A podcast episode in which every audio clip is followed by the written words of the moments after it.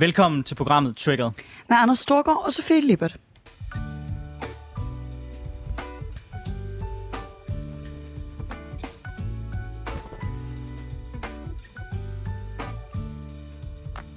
Ja, så er vi tilbage i programmet, hvor vi vender ugens vigtigste politiske historier med gæster, der har skarpe holdninger, store visioner og markante meninger.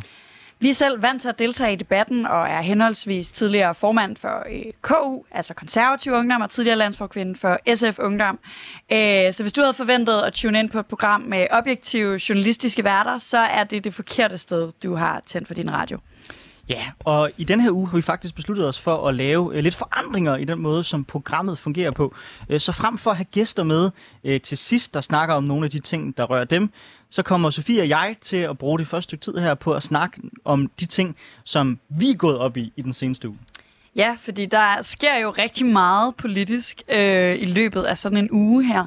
Øh, og vi synes, der er så mange ting, vi gerne vil nå at vende, øh, at at vi lige tager os lidt tid til at komme omkring nogle flere af de emner, øh, der har optaget os i den her uge. Og jeg ved ikke med dig, men noget af det, der virkelig øh, for mig fik alarmklokkerne til at ringe, det var, da jeg kunne læse i dag, at Grækenland nu slår alarm.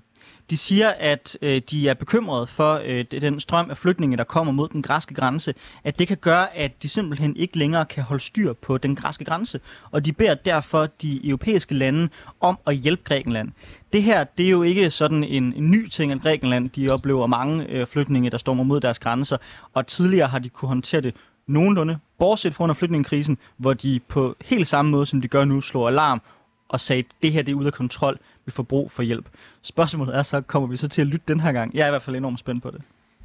Jeg tror ikke, vi kommer til at lytte den her gang. Og hvis vi kommer til at lytte, så bliver det med sådan en meget... Øh, nok med en reaktion, der i hvert fald øh, hurer øh, mig meget dårligt.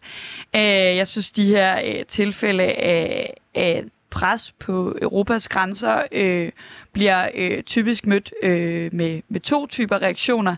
Enten så får vi øh, ja, et EU, der ignorerer, at et medlemsland øh, står med en udfordring, fordi det kun er det medlemsland, og det måske ikke er det af de medlemslande. Det er ikke lige at Tyskland eller Frankrig, der gør det, men, men nogle af de medlemslande, som man måske i EU-kontekst ser lidt mindre som bidrager til EU. Øh, så enten så bliver det sådan en... Øh, ej venner, det kan vi ikke lige hjælpe jer med, eller så anerkender man trods alt, at, øh, at vi har at gøre med en situation, hvor som kommer til at påvirke, jamen, ja selvfølgelig, alle i, øh, i Europa, fordi vi jo har fri bevægelighed i Europa. Så har man først asyl et sted, så er det jo nemt at komme videre. Øhm, og så får vi en hård Frontex-løsning, som jeg synes er problematisk. Vi har set, øh, Frontex er dem, der sådan holder øje med grænserne i EU. Øh, og vi har set, at de øh, i rigtig høj grad, øh, fordi man gerne vil bekæmpe menneskesmugling, hvilket jo er super sympatisk, øh, ikke lader folk, der kommer ind med menneskesmugling for hjælp. Og det synes jeg jo øh, er, er meget forfærdeligt for de mennesker, det konkret handler om, som har taget den farefulde færre over Middelhavet, som vi selvfølgelig helst vil have, at de ikke tog. Men når først de har begivet sig ud på den, så synes jeg godt nok, det er voldsomt, at EU's svar så ofte har været øh, og sende dem tilbage. Så jeg håber, at den hjælp, man altså i den ideelle verden for mig, så ville den hjælp, man tilbød Grækenland, selvfølgelig være en færre fordeling af de flygtninge, der kommer til Grækenland, så det ikke er Grækenland, der ender med at stå med hele byrden. Ja, der tror jeg så ikke, vi bliver, vi bliver helt enige, Sofie.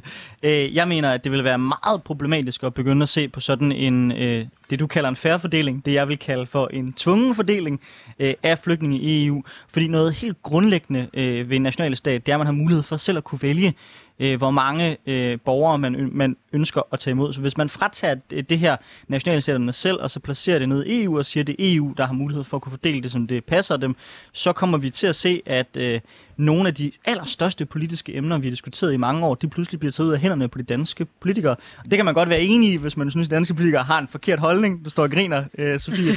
Men altså, Ja, altså, prøv at forestille jer den vrede, der vil blive rettet mod EU, hvis ikke, hvis ikke vi i de seneste, ja, de sidste 30 år kunne have diskuteret udlændingepolitik, fordi man vil kunne, vil kunne sige, det er ikke et dansk anlæggende, det er noget, som EU står for at håndtere.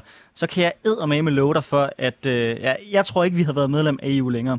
I forhold til det med Frontex, det skal vi nemlig også snakke om. Men øh, altså, jeg synes jo, at det er helt åbenlyst, hvis man har en aftale, hvor man siger, okay, vi laver ikke grænsekontrol landene imellem, det er faktisk noget, vi synes, at EU står for så giver det også god nok mening, at EU så har en markant rolle i forhold til at patruljere de ydre grænser. Og det er for mig at se også naturligt, at hvis man har en grænse, så bliver man nødt til også at være hård i forhold til at afvise folk. Der, hvor jeg synes problemet så er, det er, at man ikke sikrer at have nogle porte, hvor man ligesom siger, okay, det er så her, hvor folk rent faktisk kan melde sig. Fordi det går ikke, at vores grænser er det vilde vesten, hvor folk, hvis du først stormer over, så er du, så er du, så er du i helle, og så, og så er du klaret det. det, det det er den ideelle verden, for mig at se, det er et, hvor der er en hård grænsekontrol og en kontrolleret immigration, hvor man sørger for, at ting foregår under ordnet vilkår, så det ikke bare er, hvem der kan betale den bedste menneskesmugler for at komme ind over grænsen.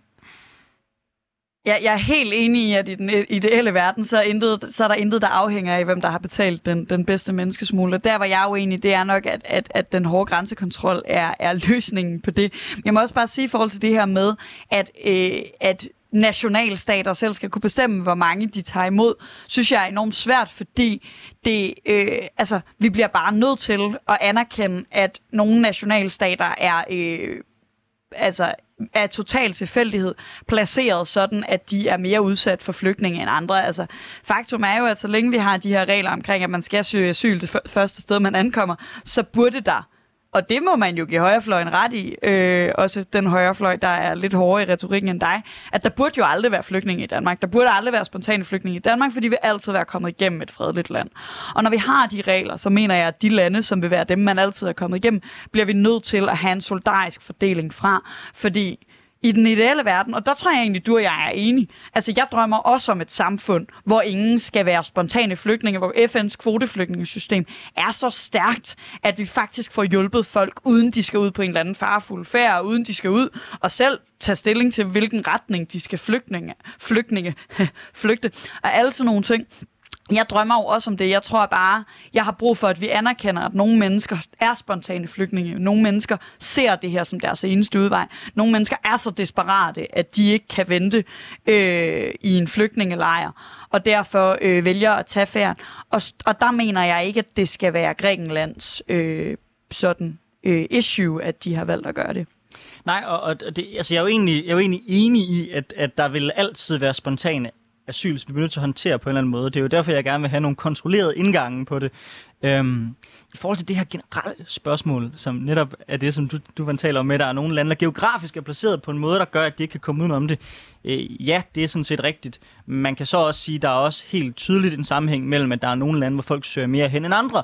Øh, blandt andet oplevede man, jeg mener, det var Estland, som på et tidspunkt sagde ja til at tage imod 500 flygtninge, da man prøvede den her, den her øh, øh, hvad kan man sige, frivillige fordelingsordning, der var en forløber til, at der skulle være den, den man tvungne. Og der viste det sig jo, at der var mange af de flygtninge, som ikke gad til Estland. Altså, de endte faktisk ikke rigtig med at få nogen flygtninge, for der var ikke nogen, der gad derhen. Øh, så der er jo også et kæmpe element i det her spørgsmål, der hedder, hvor er det folk gerne vil hen? Øhm, og det tror jeg bare ikke, man kan komme udenom. Og jeg, jeg, vil, jeg er bare meget bekymret for, hvad bliver reaktionen, hvis du tager det her ud af hænderne på øh, de folkevalgte politikere? For det er jo egentlig konsekvensen af det, som du siger. Det er, det er jo, at man, at man siger til, til det danske folketing, øh, siden, at, øh, siden at vi ønsker en øh, færre fordeling i Europa, så har I reelt set nul indflydelse på, hvor mange flygtninge det er, at Danmark skal tage imod. Synes du virkelig, det er rimeligt? Hvad med ja. alle de folk, der stemmer på Nye Borgerlige og Dansk Folkeparti? Har de ikke ret til også at få deres stemme hørt? Jo, jo, det har de. Øh, men jeg mener også, at, at, at øh, parlamentarikere i EU er, er folkevalgte, og jeg ved godt, at det, EU kan føles meget langt væk for nogen. Og det er et, et særskilt issue, vi skal have behandlet, fordi jeg mener faktisk, at der er nogle udfordringer. Altså, jeg synes, det her er så oplagt en EU-udfordring, fordi for mig at se, er EU til for at løse de problemer, vi ikke kan løse i Danmark. Og vi kan ikke løse problemet med flygtningestrømme i Danmark, så jeg synes, det er oplagt, der er brug for nogle europæiske løsninger. Jeg siger ikke, at du ikke mener, der er brug for europæiske løsninger. Det er jo netop det, som, som er den her ret hårde Frontex-tilgang, som også er en europæisk løsning. Og jeg ved jo også godt, når jeg siger det her, så er det jo en, en, en, en, en holdningsytring. Jeg ved også godt, at der også i Europa ikke er flertal for de her færre Øh, fordi det rammer nogle lande, og, la- og, de, og folk er uenige og sådan noget. Og, og spørgsmålet er, om vi i virkeligheden kan lave et flertal af, at de lande, øh, der bliver ramt, hvis de udgjorde et flertal, så var det nok noget nemmere. Og det er med på. Men for mig at se, er det ikke udemokratisk, at nogle beslutninger, som er grænseoverskridende, bliver taget i EU. Øh, og slet ikke, når vi har de åbne grænser til resten af EU. Jamen, det synes jeg jo sådan set heller ikke, det er. Øh, det er bare pointen om, at det EU er til for, har jo ikke været i sin essens at løse sådan nogle spørgsmål som grundlæggende immigrations problemer som det her, det har jo altid været tiltænkt som noget, der ligger hos nationalstaten. Så nej, der er jo ikke noget per definition udemokratisk i, at ting foregår i EU. Men der er noget udemokratisk, synes jeg, i at fratage beslutningen fra Folketinget, når det egentlig er det, øh, som er den struktur, vi har bygget op om, hvordan vi løser de her ting. Øhm, og så vil jeg også sige, at vi ved jo ikke, hvordan at, øh, sådan en kompromis vil ende. Det kan godt være, at det ender med, at øh, hele EU siger, at vi skal være ligesom Sverige. Det kan også være, at hele EU siger, at vi skal være ligesom Orbán, øh, og så får du ikke lige pludselig den politik, du gerne vil have. Øh, og og, og det, det illustrerer meget godt, synes jeg, hvor stor uenighed der er i EU om det her spørgsmål også. Og når der er så stor uenighed, så vil jeg bare gerne sige, især til alle jer, der lytter med, som er meget pro-europæisk, pas nu på, fordi I ender simpelthen med, hvis du spørger mig, at lægge en bombe ind under det europæiske samarbejde, øh, som simpelthen kan risikere at rive det samarbejde i små stykker, og det vil jeg bare ikke have. Jeg tror ikke, der er nogen tvivl om, at jeg ret sjældent får det, jeg gerne vil have på flygtningepolitikken, uanset hvilket øh, parlamentarisk organ det er, der tager stilling til det. Jeg ved godt, at i øh, dagens både Danmark og Europa og verdenssamfund, er mine holdninger et massivt mindretal. Øh, og det er måske også øh, blandt andet derfor, man bliver aktiv i politik, derfor man laver debatter, derfor man udtaler sig i offentligheden. Det er, fordi jeg virkelig håber, at vi kan nå til et punkt, hvor jeg og andre, der mener det samme som mig, har overbevist nogle flere. Men et punkt, hvor jeg tænker, at øh, du og jeg er mere enige, men hvor jeg faktisk ser den lovgivning, der er lavet, øh, som værd, eller den beslutning, der er taget, som værende lidt den samme tendens, for jeg ser øh, en, en tendens til, at, hver, at, at når vi snakker øh, udlændinge i sådan bred forstand, flygtninge, indvandrere, integration, så har vi en strammerlinje. Og den strammerlinje har landet, øh, har ramt et sted, hvor jeg tror, jeg for, forestiller mig, at du godt kunne være enig med mig i, at det er problematisk.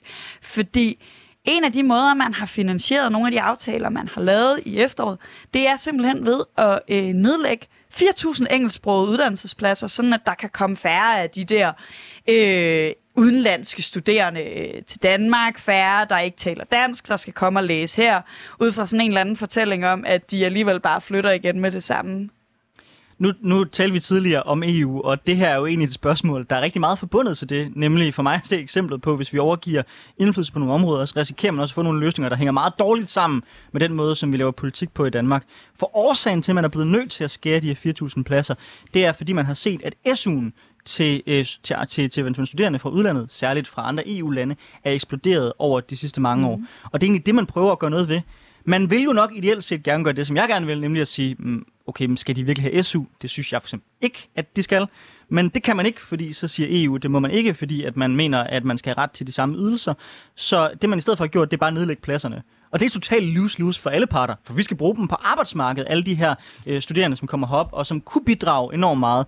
Det kan vi ikke nu, øh, og, og EU får heller ikke den løsning, de nok ideelt set gerne vil have, nemlig at vi blander vores arbejdsmarked mere. Så i virkeligheden så er vi endt med en lose-lose. Og det er udtrykket for, at når du har et EU, der generelt set lægger sig efter nogle centraleuropæiske lande, hvor man ikke har SU, man ikke har de her store øh, danske velfærdsydelser, så er der meget lidt forståelse nogle gange for, at, at det danske system hænger jo sammen er den eneste årsag, at, at folk jo typisk har en sammenhæng mellem, at de er her i mange år og betaler skat, og derfor at, at systemet kører rundt på den måde. Jeg tror, øh, jeg, jeg synes ikke i sig selv, at det er et problem, at, at, at udgifterne til SU, øh, til engelsksproget er steget, men jeg er jo meget enig med dig i, at det nok er det, der er, er, er det, der sker her. Man ønsker at tage det frem. Jeg kan lige få lytterne opklare, at det er sådan, at hvis man ikke er, Danmark, er dansk statsborger øh, og søger øh, og går på en uddannelse i Danmark, så kan man godt få SU, hvis man arbejder en vis mængde timer. Øh, jeg har for eksempel lige startet... 12 timer. 12 timer om ugen. Ja. Øh, jeg for eksempel lige startet på en engelsksproget uddannelse sammen med en frygtelig masse, øh, og det er jeg meget glad for, øh, øh, udenlandske studerende. Jeg har blandt andet en medstuderende, der er italiener. Hun øh, er straks i gang med at tage nogle af alle de her øh, jobs, som vi har snakket om tidligere på det her program, at der er brug for. Der er brug for folk. Hun vil rigtig gerne ud at være tjener. Det har jeg sagt til hende. Det har jeg hørt alle politikerne siger, at det mangler vi mega meget, af erhvervslivet skrider på det. Så du går bare ud og får dit øh, 12 timers studiejob, så du kan få din SU øh, og læse matematik her i Danmark. Øh, og lige matematik bliver selvfølgelig ikke lukket, fordi øh, vi har jo en, en klar rangering af uddannelser. Der er naturvidenskabelige uddannelser. Det er the shit. Men altså, jeg synes, det er den helt forkerte vej at gå. Jeg synes heller ikke, at man ville skulle fjerne SU'en, men jeg synes faktisk, at det er Altså, jeg tror næsten, jeg vil synes, det var, er mere problematisk at lukke uddannelsespladser, sådan in general, end det er at, at lave nogle ændringer i, hvilke vilkår folk har til SU. Men det er jo så et EU-direktiv. Jeg synes godt nok, det er voldsomt at lukke uddannelsespladser øh, for at forhindre folk i at komme til Danmark og blive klogere og blive en del af vores samfund. Der er jo sindssygt mange internationale studerende, der vil gerne vil være en del af det danske samfund. Ja. Altså alle mine nye medstudenter, de vil jo vildt gerne lære om Danmark og være en del af Danmark. Og jeg ved, altså, jeg tror måske, at de fem kinesere, de har tænkt sig at tage hjem til Kina bagefter, men det kunne godt være, at de tænkte, nej, hvor fedt, Danmark er et nice sted. Og det er i hvert fald mit indtryk, at mange af dem er så interesserede i vores samfund, at de sagtens kunne blive bagefter og bidrage. Ja, altså nu er det et stykke tid siden, jeg har kigget på statistikken, men det er, men det er sådan noget cirka 20 procent mener jeg, det er, som rent faktisk bliver. Øh, og det falder så øvrigt også øh, i de år, der ligesom går efter. Så mange tager, tager hjem. Jeg er faktisk enig med dig i, at det er en dårlig beslutning, man skærer de her pladser væk. Jeg tror også, vi skal vælge mellem pest eller kolera, som er at give dem SU, eller øh, simpelthen ikke sige, at de må, de, de må komme her. Så vælger på grund af den måde, det gavner vores økonomi, og i øvrigt vores læringsmiljø, at de er her. Øh, siger, at det er bedst, at de er her. Men hold kæft, hvor er der behov for, at man i EU snart kigger ind i og, og, og, og sige, det kan simpelthen ikke være tilrettelagt sådan, at det giver mening, at man kan shoppe rundt efter de ting, man gerne vil have. Sådan så, at hvis jeg er studerende, så kan jeg tage til Danmark, og så kan jeg få øh, SU og måske gratis uddannelse. Når jeg så bliver gammel, så kan jeg tage til, lad os sige teoretisk set, hvis Spanien havde en attraktiv pensionsordning, og så få pension der. Altså mange af de her systemer, hvis man gerne vil have et velfærdssystem, hænger jo sammen netop ud fra sådan en devise, der hedder, der er nogle tidspunkter i mit liv, hvor jeg betaler meget skat, og der er andre tidspunkter i mit liv, hvor jeg så trækker meget ud. Hvis man fjerner den sammenhæng, altså det kan man godt gøre, så kan du bare ikke have en velfærdsstat. Så, så det savner jeg virkelig, at, at EU også sørger for at tænke ind, at alle altså ikke lige har den samme velfærdsmodel, som man har i Tyskland.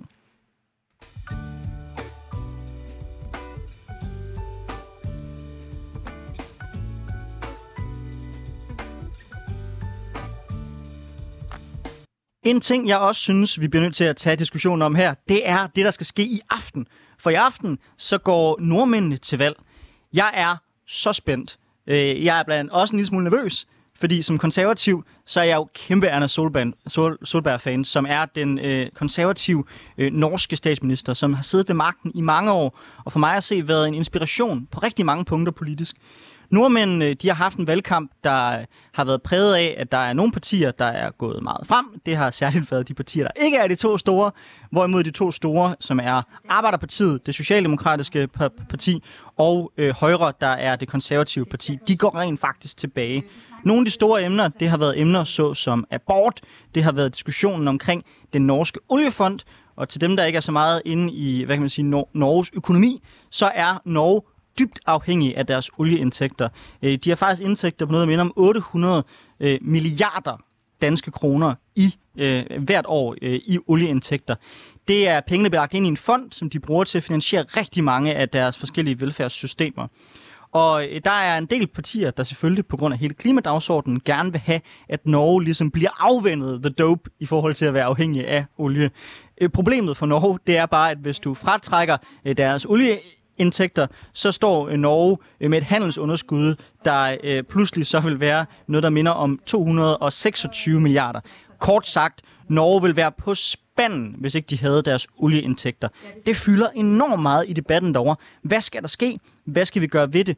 Og hvordan sikrer vi, at Norge også fungerer i de kommende år? Det er jo også lidt relevant i en dansk kontekst, hvor vi også havde et klimavalg på rigtig mange punkter, og det tyder det også på, at det bliver i Norge.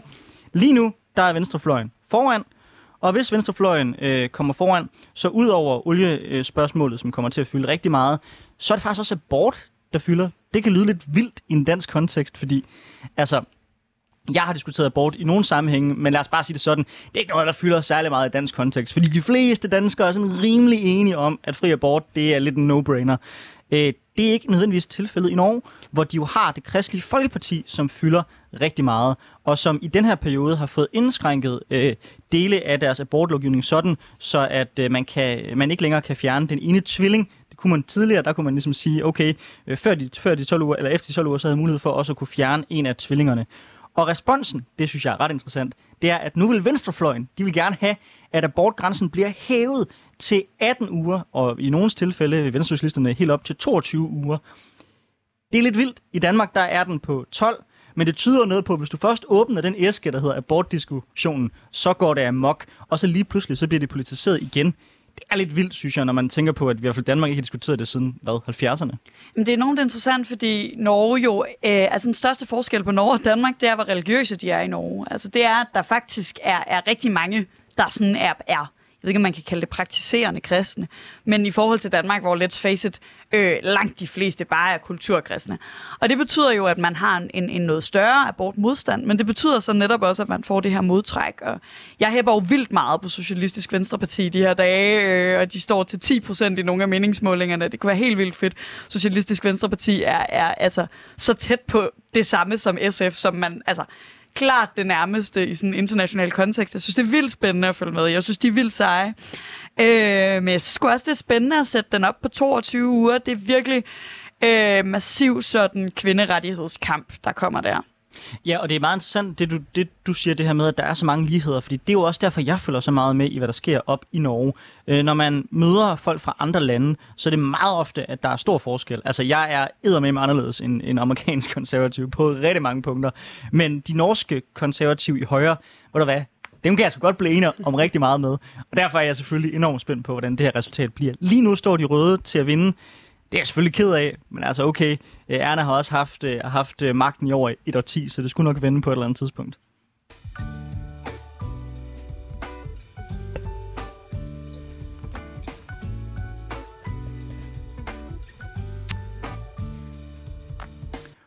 Nu skal... Ja. Du lytter til programmet Triggered øh, med Anders Storgård og Sofie Lippert. Og nu skal vi så småt videre til næste del af det her program. For det vi er nået til nu, det er, øh, det er noget, jeg har glædet mig enormt meget til at høre. Det er, hvad trigger dig? Jamen, det der trigger mig, og det der altid trigger mig, og det der er øh, hele sådan øh, mit øh, politiske projekt nærmest, det er, at øh, vi skal have, øh, vi har et samfund, hvor uligheden bulrer ud af.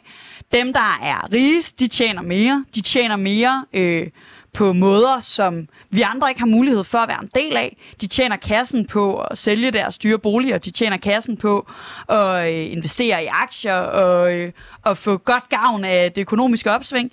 De tjener kassen på øh, at arve fra deres rige forældre.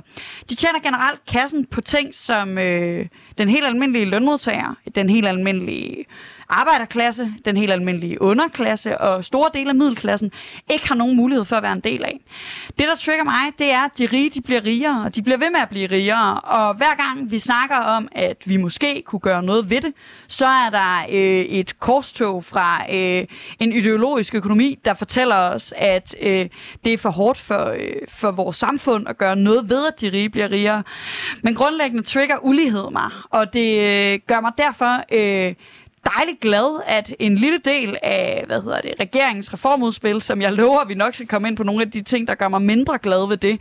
For regeringen kom jo med et reformudspil her i sidste uge, tirsdags, til hvordan vi øh, får da, god gamle Danmark kan mere et. Øh, vi glæder os til toeren allerede, den dårlige toer. Øh, men, men det gode ved den her etter, det er, at der faktisk lægges op til, at øh, nogle af de meget rige mennesker, der tjener kassen på at øh, handle med aktier, spekulere i, hvornår krakker hvad, hvornår går hvad opad, at de skal bidrage lidt mere til statskassen, at de skal øh, være med til at finansiere det fælles velfærdssamfund, som jo faktisk gør, at danske virksomheder har det ret fedt, fordi det er jo fordi, vi har et stærkt velfærdssamfund, vi har en god infrastruktur, vi har en stærk uddannet arbejderklasse, vi har en enormt specialiseret arbejderklasse, vi har et samfund, der generelt er rigtig godt at lave virksomhed i, og det er jo derfor, danske virksomheder har det godt, og det er også derfor, man kan tjene kassen på at investere i dem. Så jeg er rigtig glad for, at man vil hæve den her aktiebeskatning øh, en lille smule øh, i det her udspil, og jeg tror, at det vil gøre rigtig meget godt for vores samfunds øh, sammenhængskraft, at dem, der har mest, de får lov at bidrage en lille smule mere. Ja, det er jo meget klassisk socialistisk politik, som du fyrer af her, Libert, og det er jo ikke nogen overraskelse, at jeg så måske stiller mig en position, hvor jeg er en lille smule uenig. Jeg synes jo i stedet for, at vi skulle se på at sige, okay, men hvordan kan vi sikre, at flere almindelige mennesker kommer ind på aktiemarkedet? Altså, øh, det er jo faktisk noget, det vi har haft stor succes med i i Danmark, og vi har nogle af de rigeste pensionister i verden. Og det har vi jo netop, fordi at vi har fået lavet konstruktioner, hvor helt almindelige mennesker gennem deres pensionsopsparinger får mulighed for at komme ind på aktiemarkedet. Øh, jeg forstår godt øh, den sådan lidt socialistiske brandtale om, at nu skal vi beskatte de rige hårdere. Men når jeg samtidig kigger ud i resten af Europa, og jeg kan se, okay, vores, øh, vores øh, aktiemarked er faktisk meget hårdt beskattet i forhold til mange andre lande. Jeg kan se, hvordan mange særligt små startups, de flygter til andre lande, eller på grund af den hårde aktiebeskatning. Så vil jeg gerne sætte spørgsmålstegn ved, om vi i virkeligheden kommer til at beskatte velstand. Og hvis vi beskatter velstand, er det så det rigtige sted at lægge skatten? Altså, jeg forstår godt logikken i det, men jeg er meget bekymret for, hvad vil konsekvensen være? Egentlig også for helt almindelige mennesker, som prøver kræfter med med aktiemarkedet. For vi skal huske, hvad er aktiemarkedet? Det er i virkeligheden, at der er nogle folk, der er villige til at stille kapital, nogle penge til rådighed, for at mennesker kan tage en risiko ved at starte en virksomhed, ved at starte en, øh, en forretning og ved at sætte gang i hjulene. Noget, der forhåbentlig leder frem til flere ansættelser, højere løn, højere produktivitet og dermed et bedre samfund. Jamen, det er jo altid øh, interessant, det her med at have de store debatter om, hvad der er et bedre samfund. Øh, det er også noget af det, det her reformudspil virkelig har øh, fået sat gang i øh, med diverse interessante udtalelser fra Mette Frederiksen, øh, vores statsminister. Men øh, du og jeg kunne sagtens fortsætte den her debat, men jeg synes, vi har talt længe nok. Øh, så jeg har inviteret to gæster med. De er begge to med over telefoner, har helt sikkert øh, masser at sige om den her aktieskat. Den første, det er Sadek Alamut. Du er økonomistuderende og øh, regionsrådskandidat for SF. Øh, og så skrev du her i, jeg kan ikke huske, om det var forrige uge, et, øh, synes jeg, rigtig godt debatindlæg i Jyllandsposten øh, om, øh, at vi skal have indført nogle beskatninger på de ældre og rigere generationer, og det blandt andet skulle være aktieskatten. Så velkommen til, øh, og hvorfor synes du, Sadek, at øh, aktieskat det er en god idé? Ja, men Sofie, jeg er meget enig med de pointer, øh, du kom frem til. Øh, netop, at det handler om ulighed, og det handler om et område, hvor uligheden er langt større end på almindelig lønindkomst. Så derfor så skal aktieskatten selvfølgelig op til et niveau, hvor det kan kan pære med den. Ja, og, og, og, og vi har jo også taget en med, der ikke bare har tænkt sig at bakke mig op. øh, det, er, fordi, det, er jeg, det er jeg meget glad for at Det høre, kunne have været hyggeligt, hvis det bare var mig og Sadik, der skulle diskutere med Anders. Men øh, Daniel Tidemand, du er journaliststuderende, og så er du øh, aktiv i Radikal Ungdom. Og du tweetede øh, her for nylig i en tråd om den her aktieskat, at hver måned, der tager du næsten hele din løn jeg læser lige højt i stedet for at vende det rundt, så jeg siger, din, du tweeter. Hver måned tager jeg næsten hele min løn fra mit studiejob og smider den i aktier. Det kan godt være, at jeg ikke løfter en finger, men du kan i hvert fald ikke påstå, at jeg ikke løber en risiko. Sådan er der mange, også studerende, der gør hver måned. Synes du, det er skidt? Og Daniel, jeg kunne godt tænke mig at høre, er dit indtryk, at øh, det er helt almindeligt øh, for, nu kalder jeg jer også helt almindelige mennesker, studerende og lønmodtagere, at gøre, som du gør? Øh, nej, men det tror jeg ikke, det er almindeligt, og det er jo en skam. Øh, det burde være almindeligt. Altså, øh, som Anders også nævner i sit indlæg, altså det der med at investere i aktier, det burde jo være noget, vi får brede ud til hele øh, befolkningen, så vi virkelig kan sprede den her måde at skabe velstand på. Øh, fordi der er alt for få mennesker, der gør det, men det er jo blandt andet, fordi vi har en aktiekapitalbeskatning, der er så høj, at lysten til at investere den bare bliver lav. Altså, det er jo fordi, at, at, at, at, øh, at procenten den er sindssygt høj. Daniel, tror, altså, tror du helt oprigtigt, at grunden til, at rigtig mange ikke investerer i aktier, det er, at de ved, hvad beskatningen er? Jamen, du kan jo se, at bare i forhold til Sverige, de har markant flere aktieselskaber, end vi har i Danmark. Altså, og det hænger jo en til en sammen med, at deres aktiekapitalbeskatning er meget lavere. Altså, så investeringslysten er meget lav, og det er klart, når staten gerne vil have mange af de penge, man tjener på sine investeringer, så er det klart, så har folk ikke lyst til at bidrage til det. Og det går altså ud over øh, altså iværksætter, iværksætteriet, øh, det er ufattelig svært for nye danske virksomheder at få, at få kapital. Det er kun de største koncerner, der kan få kapital udefra. For helt almindelige startups, der er det ekstremt svært at få kapital, og det gør det kun sværere. Det er jo derfor, de flygter til udlandet. Sadek, er du ikke bange for, hvis vi hæver den her øh, beskatning på aktier, at vi så i endnu højere grad ser, at det kun er dem, der er, er rigtig rige og har råd til at, at betale øh, den her åbenbart mega høje skat, øh, der får lov at investere i aktier, at vi faktisk i højere grad måske fratager sådan nogen som du og jeg fra at være, være med øh, i, i aktielejen? Øh, nej, det synes jeg ikke, og jeg vil egentlig også gerne opklare den her myte med, at aktieskatten skulle være så forfærdelig høj. Altså, jeg var inde på skat.dk i dag for lige at finde ud af noget om aktieskatten. Og der kan man altså se, at hvis du har en nettofortjeneste på under 50.000 om året, som er altså kun på 27 procent. Altså de første 50.000, så er det kun 27 procent. Det svarer til, at hvis du har en, øh, lad os sige, en opsparing på en million i aktier, og får et afkast på 5 procent, så skal du stadig kun betale 27 procent af din, øh, af din nettofortjeneste. Øh, så jeg er egentlig uenig med, at den her skat er så forfærdelig høj, og at den rammer andre end de super rige, som selvfølgelig har en, øh, øh, en fortjeneste på langt over de 50.000. Men til det, du skal også huske, mange af de penge, folk kaster ind på aktiemarkedet, det er jo for eksempel penge, de har tjent først, hvor de er blevet beskattet. Altså når Daniel, han er studerende, og han måske har et studiejob, øh, så lægger han nogle penge til side, det smider han ind på aktiemarkedet, de er blevet beskattet der i første omgang, så smider han det i aktiemarkedet, og der, og der er det bare et, et, et faktum, at aktiebeskatning er væsentligt højere i Danmark, end den er eksempelvis i Sverige. Og derfor betyder det selvfølgelig noget, hvor høj den er i forhold til, hvor meget Daniel har lyst til at, ligesom at smide sine penge der, versus at smide dem ind på en bankkonto eller bruge dem i fredagsbaren. Må jeg også bare lige sige noget? øh, fordi ikke du øh, og også Sofie, I snakker også om det her med, at det er jo fatlige sidst, at folk de bliver på at investere i bolig. Det er fuldstændig enig i. Fordi at investere i en bolig, det er at investere i mursten. Så investerer man ikke i mennesker. Når man investerer i aktieselskaber, så investerer man også i mennesker og folk, der kan skabe arbejdspladser. Altså vil I hellere have, at folk de bare begynder på boliginvesteringer i stedet for? Fordi det er nemt at profitere fra. Det kan folk bare gøre, men det er ikke der, man sætter ind. Man sætter ind på aktiekapitalbeskatningen. Og det betyder bare, at så er der flere, der vil investere i sådan noget som boliger, der ikke gør nogen forskel for andre end dem selv. Jeg synes, snakken omkring, hvor vi skal beskatte boliger hårdt, det er en enormt spændende snak. Vi tager den lidt senere i den her diskussion, men vi lige prøve at holde os først på spørgsmålet om aktiebeskatning. Så det øh, jeg synes, du skal have lov til at svare på, på det argument, jeg kom med tidligere. Ja, jamen altså, jeg, jeg synes egentlig, sådan, altså det selvfølgelig betyder skatten noget for, hvorvidt man har lyst til at indgå i den aktivitet. Men jeg synes sådan set, at, at det er fair nok, at den bliver beskattet, for det er jo en ekstra indkomst, du får. Øh, og jeg synes, at, at al indkomst bør blive beskattet i Danmark. Jeg, jeg sådan set, jeg synes sådan set, at aktiebeskatningen på over de 50.000, som jo er på de her 42, som regeringen foreslår at hæve til 45, så vidt jeg husker, øhm, at det synes jeg er fair nok, for jeg synes netop, at vi godt kunne lave sådan en, eller en mere differentieret model, hvor at dem, som får de absolut største fortjenester, at de skal beskattes ret hårdt, men til dem, som øh, investerer i aktier som Daniel, som sådan en slags øh, sideting, øh, at de skal ikke, besk- ikke nødvendigvis beskattes lige så hårdt. For selvfølgelig er det en fordel for samfundsøkonomien, at helt almindelige mennesker investerer i aktier. Dem, jeg gerne vil ramme, det er de super rige, som stikker af for alle os andre øh, gennem aktier.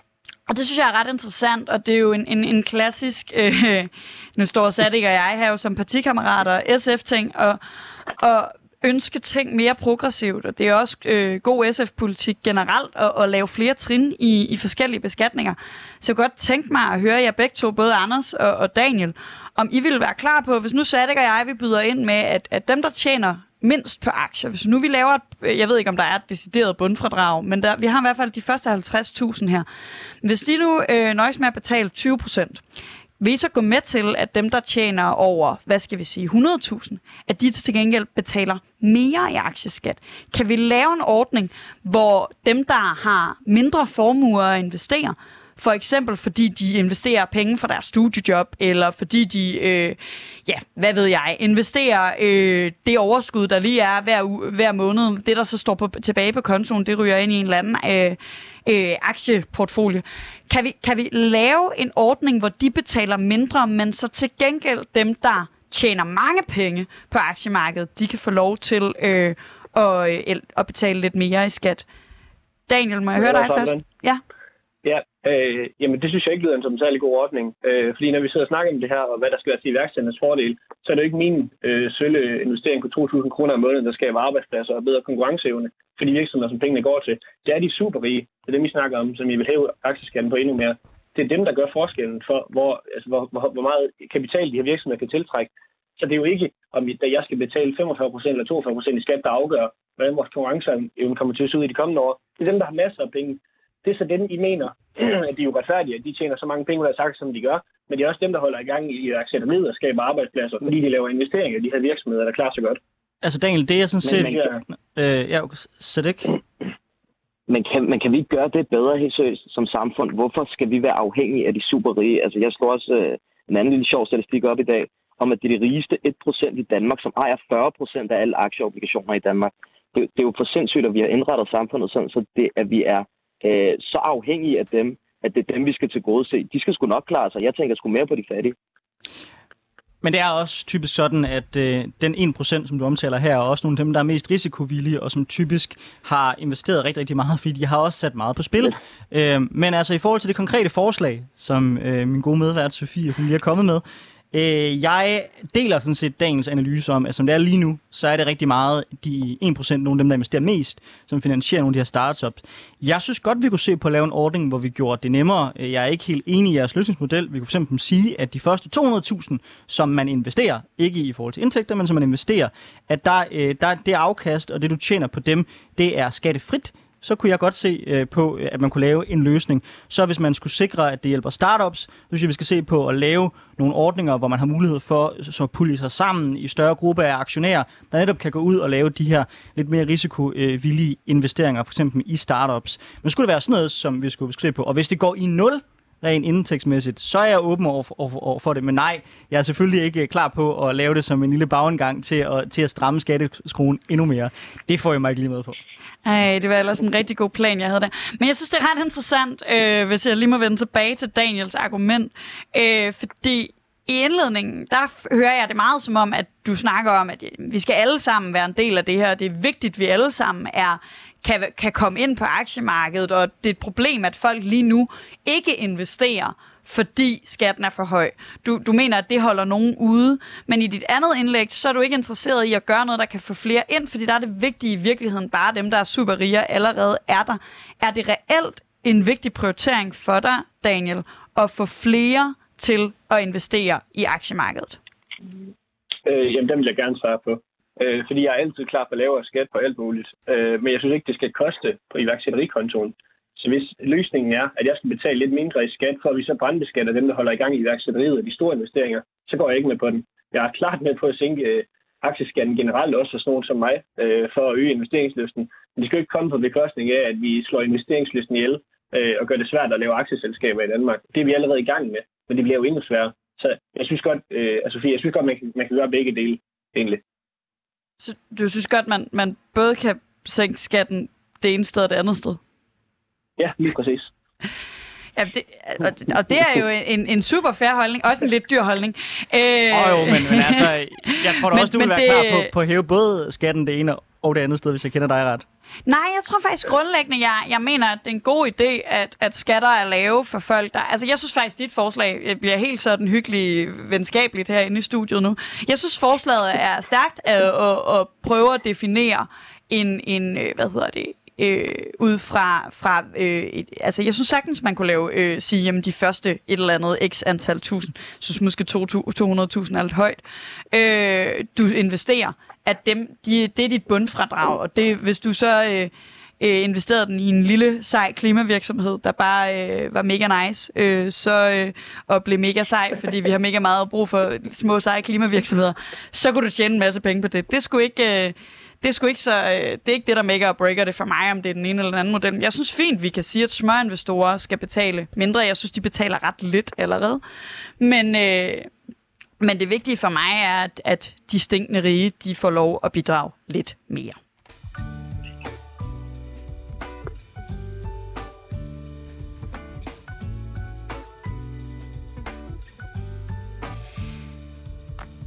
Du lytter til Triggeret med Anders Storgård og Sofie Libert. I dag her, der har vi besøg øh, over en telefon af Sadek Alamut. Han er øh, økonomistuderende og regionsrådskandidat for SF. Og så har vi besøg af Daniel Tidemand, som er journaliststuderende og øh, medlem af Radikal Ungdom. Og nu skal vi snakke, øh, hvordan vi generelt skal lægge beskatning i det her land. Øh, det virker til, at der er både lidt enighed, men også rigtig meget uenighed i det her studie om, hvorvidt vi skal beskatte aktier hårdere. Øh, men en debat, vi ikke er kommet ind på her, det er jo så sådan hele balancegang. Altså, hvor er det egentlig, vi skal lægge vores skat hen i vores samfund? Er det øh, på, når du har et job i Netto, og du øh, får en løn der, at vi skal lægge beskatning, som det i høj grad er i dag? Er det mere boliger, vi skal rykke over på at smide beskatningen der? Er det aktier? Hvor skal vi lægge skatten hen? Det ved jeg, du har en holdning til, Libert. Det har jeg i hvert fald, fordi min største politiske kæphest, øh, som jeg har øh, virkelig taget alle de politiske slag på, man overhovedet kan tage, det er, at det er et kæmpe problem, at det, vi beskatter hårdest i Danmark, det er at gå på arbejde. Indkomstskatten er latterlig høj i forhold til alle andre skatter. Aktieskatten nærmer sig efterhånden at være, øh, kunne konkurrere med indkomstskatten, og det synes jeg er sympatisk. Til gengæld er der ikke nogen skat på boligsalg overhovedet. Det er fuldstændig skattefrit at tjene millioner på din bolig. Det er også rimelig fucking billigt at tjene øh, penge på at øh, arve, og det er generelt sådan, at indtægter de skal øh, beskattes hårdest i det danske samfund, hvis du har knoklet for dem. Og det synes jeg er dybt problematisk. Jeg synes rent ideologisk, at det er helt forkert, at det vi beskatter hårdest, det er at gå på arbejde. Så jeg har en drøm om, at vi sænker skatten i bunden. Vi får et højere bundfradrag, det vil sige alle skulle øh, få noget ud af det i kroner og øre. Øh, og især de fattigste vil det betyde rigtig meget for, men det vil betyde noget for alle, der går på arbejde. Øh, og til gengæld beskatter nogle af de her indtægter, som det typisk er folk, der allerede har noget, der får. Men det vil være et højere samlet skattetryk, korrekt? Det er ikke vigtigt for mig at det bliver et højere samlet skattetryk. Nej, det er jo vigtigt for mig i andre sammenhænge, at vi har råd til vores velfærdsstat. Men, men hvis det vi kunne hvis det vi kunne nå frem til, det var, at vi rykkede rundt på nogle skatter, så det, det vigtige for mig er ikke, at vi har et højt skattetryk. Det vigtige i den her sammenhæng, det er, at vi har et mere lige samfund. Men så vil du ikke have råd til mange af de ting, vi også tidligere diskuteret i det her program, som du gerne vil have, at vi også prioriterer, hvor du har peget netop på øh, finansiering som en mere beskatning jeg af, af de rige. Gerne, jeg vil gerne gå 20 år tilbage i skattetryk. Ja, det vil jeg gerne. Jeg vil gerne af med de skattelettelser, vi har fået. Nå. Daniel? Ja. Hvordan? Jamen altså, Sofie, hun... Jamen, det, du, det er lige mine ord, det du siger der. Altså, CO2, arv og bolig, det synes jeg skal beskattes helt vildt. Og så synes jeg, at skatten på alt andet skal ned så meget som muligt. Altså, så det, vi er fuldstændig for linje her, Sofie. CO2, arv og bolig. Fedt. Så det er bare aktieskatten, der skiller dig og mig ad. Hvad med dig, Sadek? Hvad siger du til at flytte nogle skatter fra arbejde til arbejdsfrie indtægter? Jo, men den er jeg 100% med på. Altså, jeg synes, noget af, det, altså noget af det mest unikke, vi har skabt ved Danmark, det er jo det her velfærdssamfund, hvor vi har lavet en ordentlig omfordeling øh, fra de rige til de fattige. Og det har vi gjort gennem arbejdsskat, eller gennem øh, altså, skatten på almindelig arbejde. Ikke? Og der har vi så bare glemt skatten på alle de andre ting, og det er dem, vi ligesom skal have lavet en opjustering af, så vi også kan øh, få en mere ligelig fordeling af indkomsten på alt muligt andet end arbejde. Nå, jeg fornemmer, at jeg kommer lidt i mindretal i det her studie, øh, men lad os bare tage den fra en ende af. CO2-skat ja tak, men det skal, være, øh, det skal gå i nul, fordi pengene også skal føres tilbage, så nej, det skal ikke være en øget skatteskrue. Bolig er jeg klar på at rykke mere over på salg, men så mener jeg så også samtidig, at vi skal skære ned på de skatter, vi har i dag på at bo i ens bolig, så den går også i nul for mig.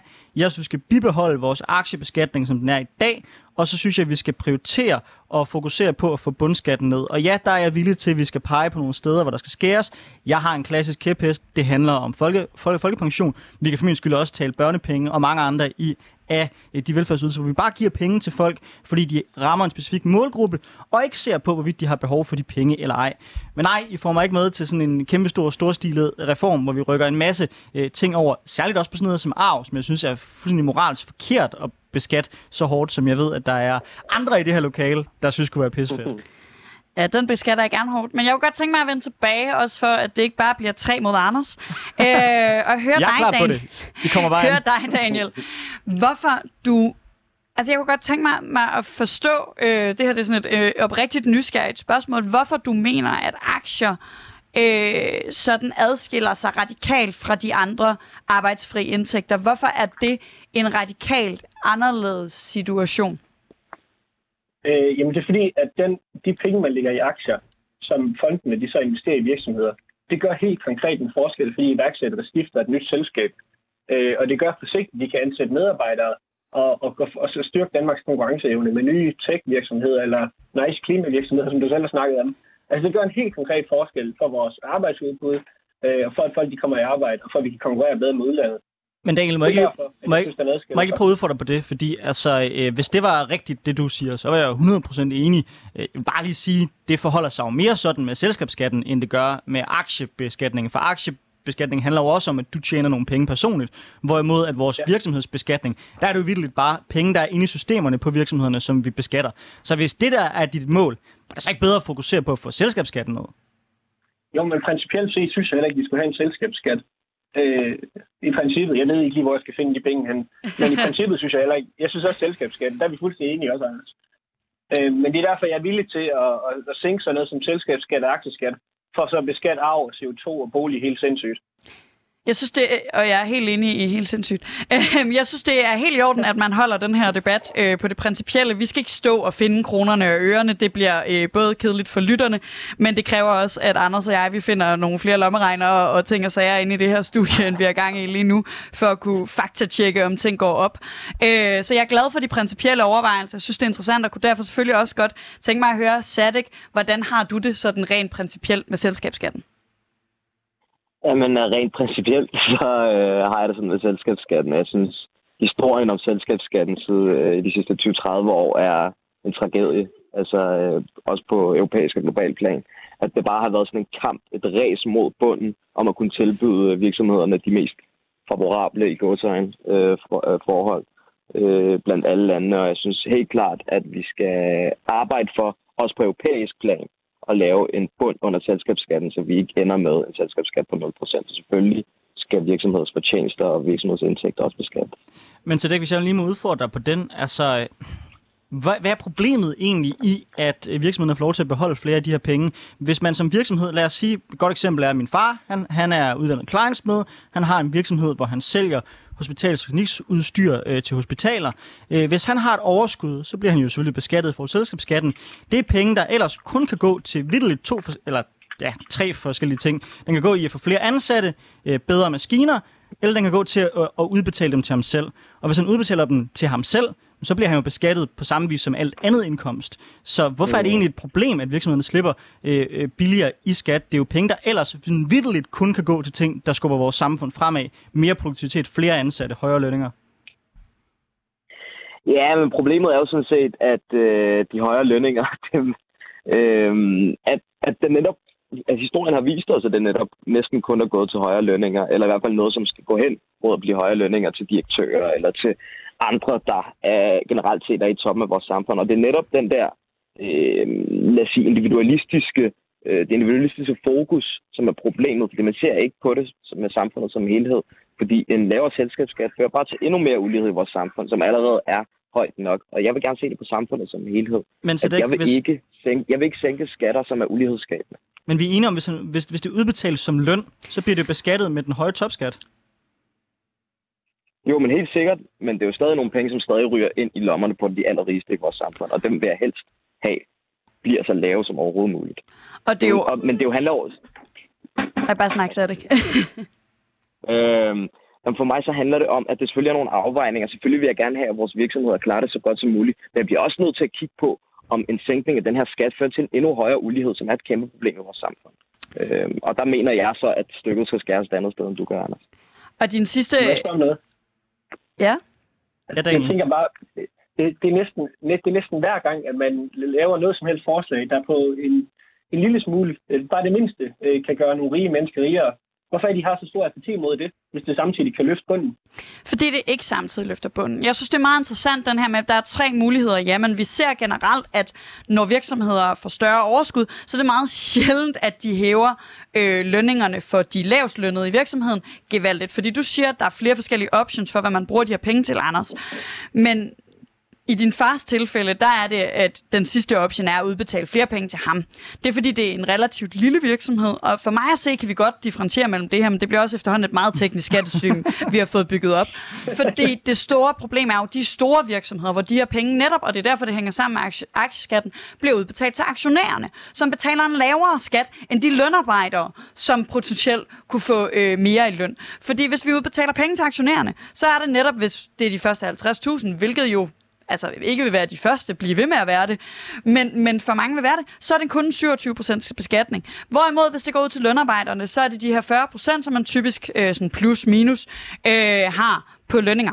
Så mit problem er med den med det argument, der handler om, at alle de her penge kunne blive, blive brugt til noget rigtig godt, det er, at de alt for ofte bliver brugt til noget, jeg ikke synes er super nice. Jeg synes højere lønninger til, til de øh, lavere i virksomheden til medarbejdere, til lønarbejdere, til produktionsarbejdere. Sindssygt nice. Altså kæmpe mærkesag for mig, at mennesker, der går på arbejde, skal have mere i løn. Men jeg synes, det er ærgerligt, når det så ofte, når vi kan se, som Sadek også nævner, at det bare ret ofte ikke er de lavest lønnede, men de højst lønnede. Det er direktørerne, der får mere i løn, og så er det aktionærerne, der får udbetalt gevinster. Og det synes jeg er enormt ærgerligt, fordi når du spørger Daniel, hvorfor er det et problem? at de rige bliver rigere, hvis vi også løfter bunden? Jamen, det er der to grunde. Et, at vi faktisk ikke løfter bunden lige så meget, som vi løfter de rige. Og to, at penge er relativt. Så hvis vi alle sammen bliver rigere, men de rige bliver, altså det bliver sådan en andet, øh, hvad hedder det, Lars Lykketal det her, det er ked af, men de rige bliver mere rigere end de fattige, så er det relativt spændt stadig større, og det er et problem for vores samfund, når spændet mellem de mindst rige og de mest rige er for stort, fordi ulighed har så mange negative konsekvenser for vores samfund. Og der har vi vores principielle uenighed. Nej, jeg vil lige svare på det, skal du nok få ordet. Øh, og, og der har vi vores principielle uenighed, øh, som jo er, at jeg i virkeligheden ikke synes, at ulighed er et særligt afgørende, eller et særligt afgørende ting at bekæmpe. Altså, jeg er helt med på, hvis vi har et så ulige samfund som USA, så river ulighed et samfund i små stykker. Men når vi har et så lige samfund som Danmark, så nej, så er jeg egentlig ikke særlig bekymret for en højere ulighed, så længe den leder frem til, at dem nede i bunden får mere.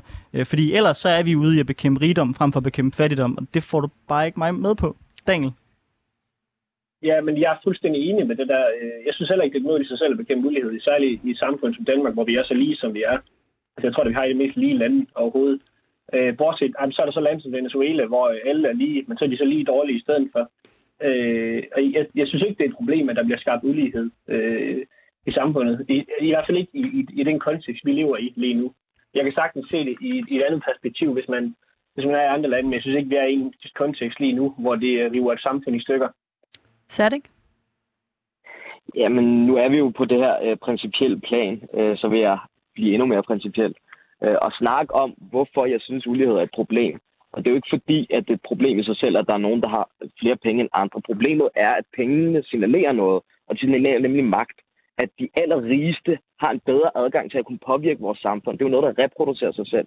De allerrigeste, de får noget mere magt. Det kan de bruge til at få endnu flere penge, som giver dem endnu mere magt. Og sådan har vi et samfund, der kommer helt ud af balance med sig selv.